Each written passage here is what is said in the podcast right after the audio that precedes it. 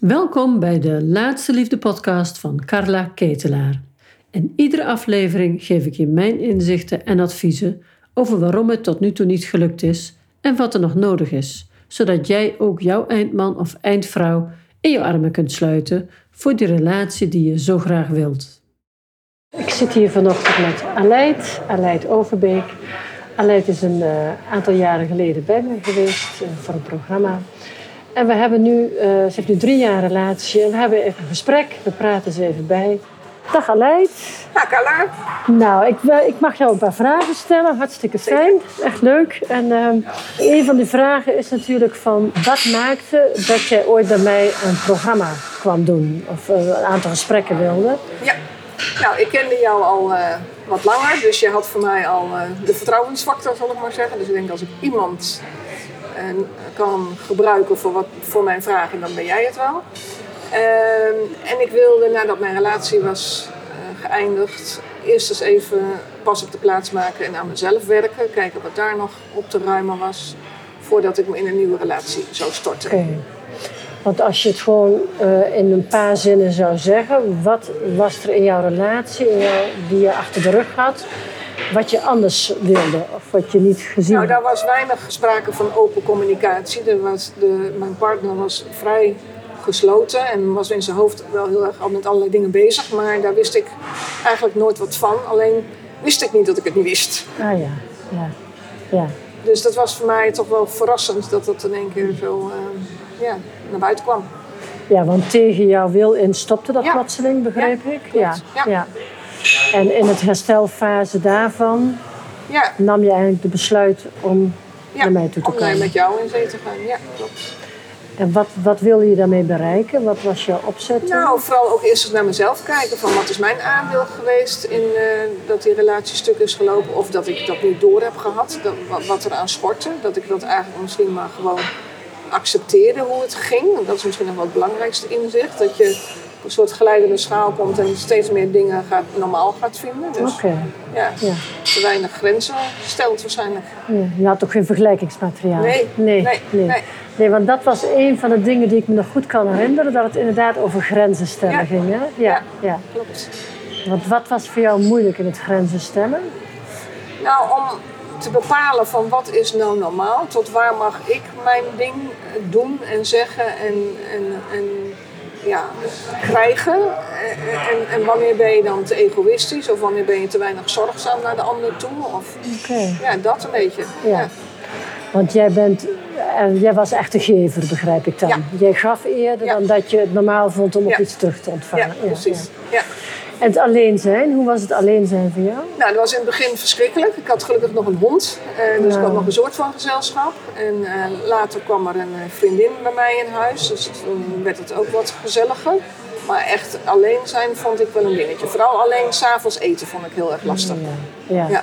Ik had veel vriendinnen, maar die hadden dan nog kinderen thuis. En die aten dan gezamenlijk, maar ik zat altijd alleen. Ja.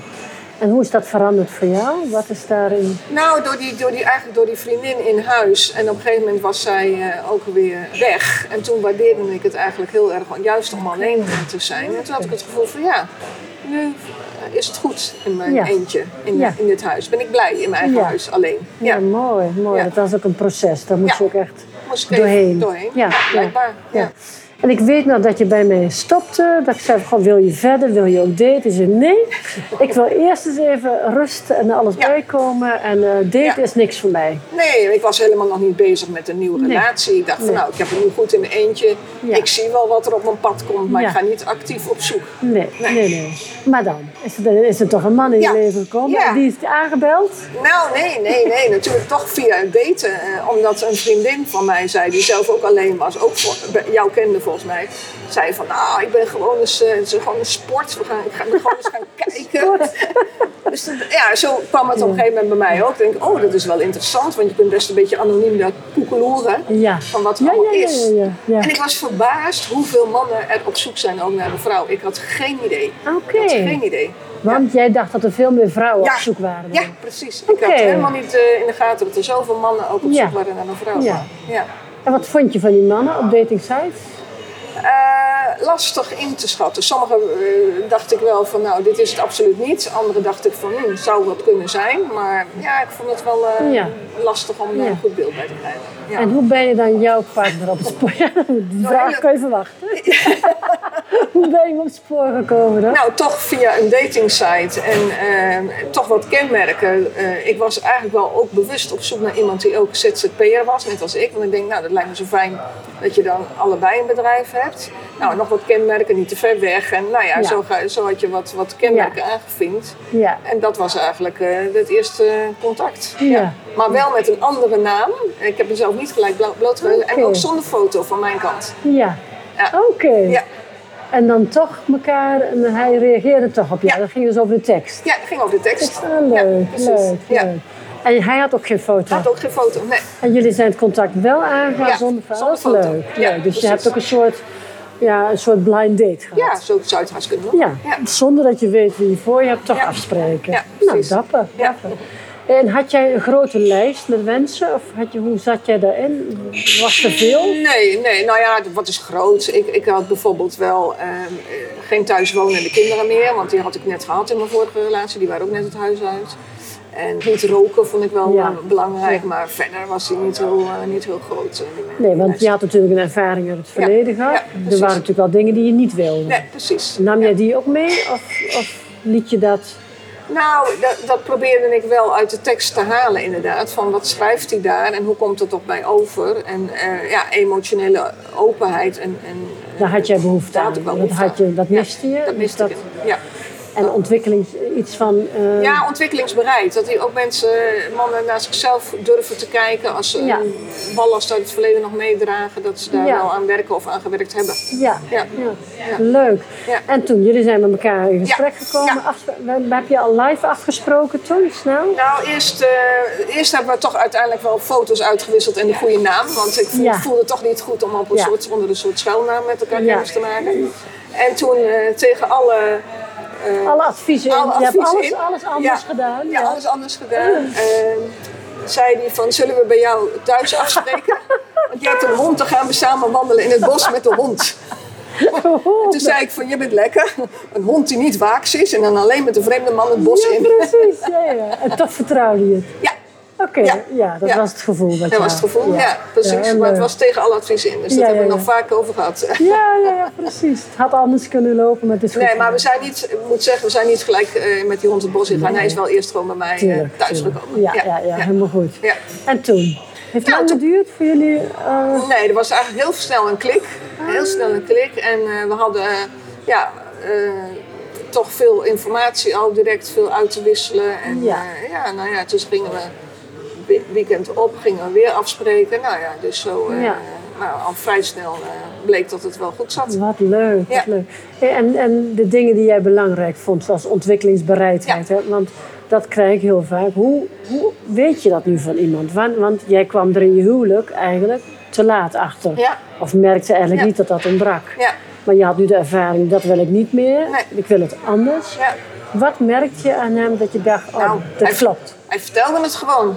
Dus Wat- ik, nou, dat, wa- wat hij meegemaakt had. Wat, wat hij deelde zijn gevoel. Hij deelde het gelijk, eh, wa- wat hij eh, meegemaakt had, ook welke hulp hij gezocht had, hoe hij er aan toe was, hoe hij eruit gekomen Oh, was. En, leuk. eh, ja. Dus helemaal, helemaal niks achterhouden? nee, nee, nee. absoluut niet. Oh, Nee. wat heerlijk. Ja. Je straalt ervan Ja. als je het zegt.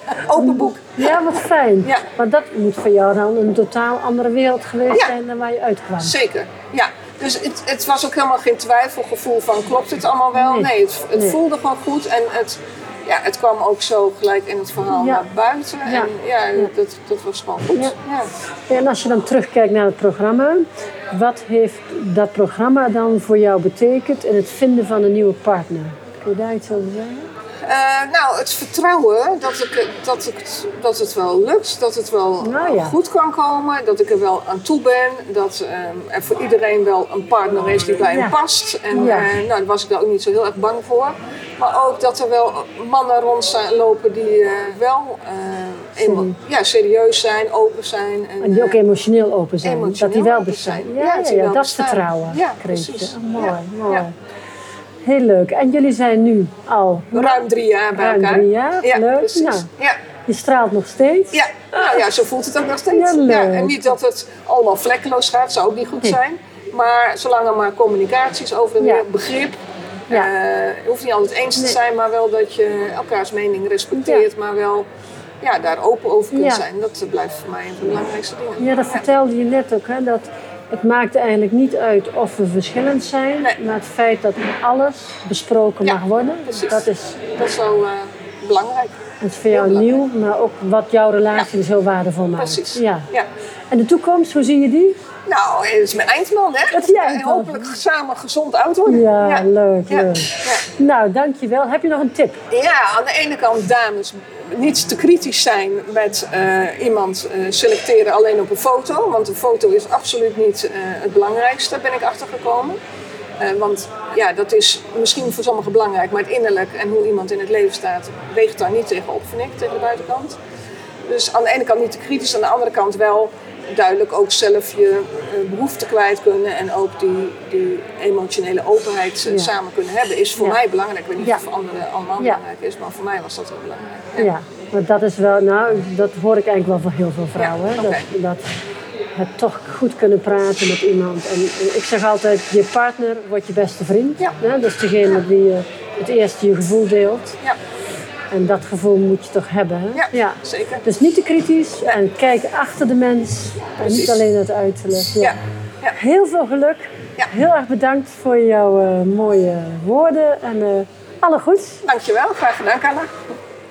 Vond je deze podcast inspirerend en wil je heel graag meer weten hoe jij jouw liefde kunt vinden? Kijk op mijn website www.laatsteliefde.nl en ik help jou heel erg graag verder. Heb je een vraag die je graag beantwoord wil hebben in deze podcast? Stuur me een mailtje info@laatsteliefde.nl. De liefde bestaat wel, ook voor jou.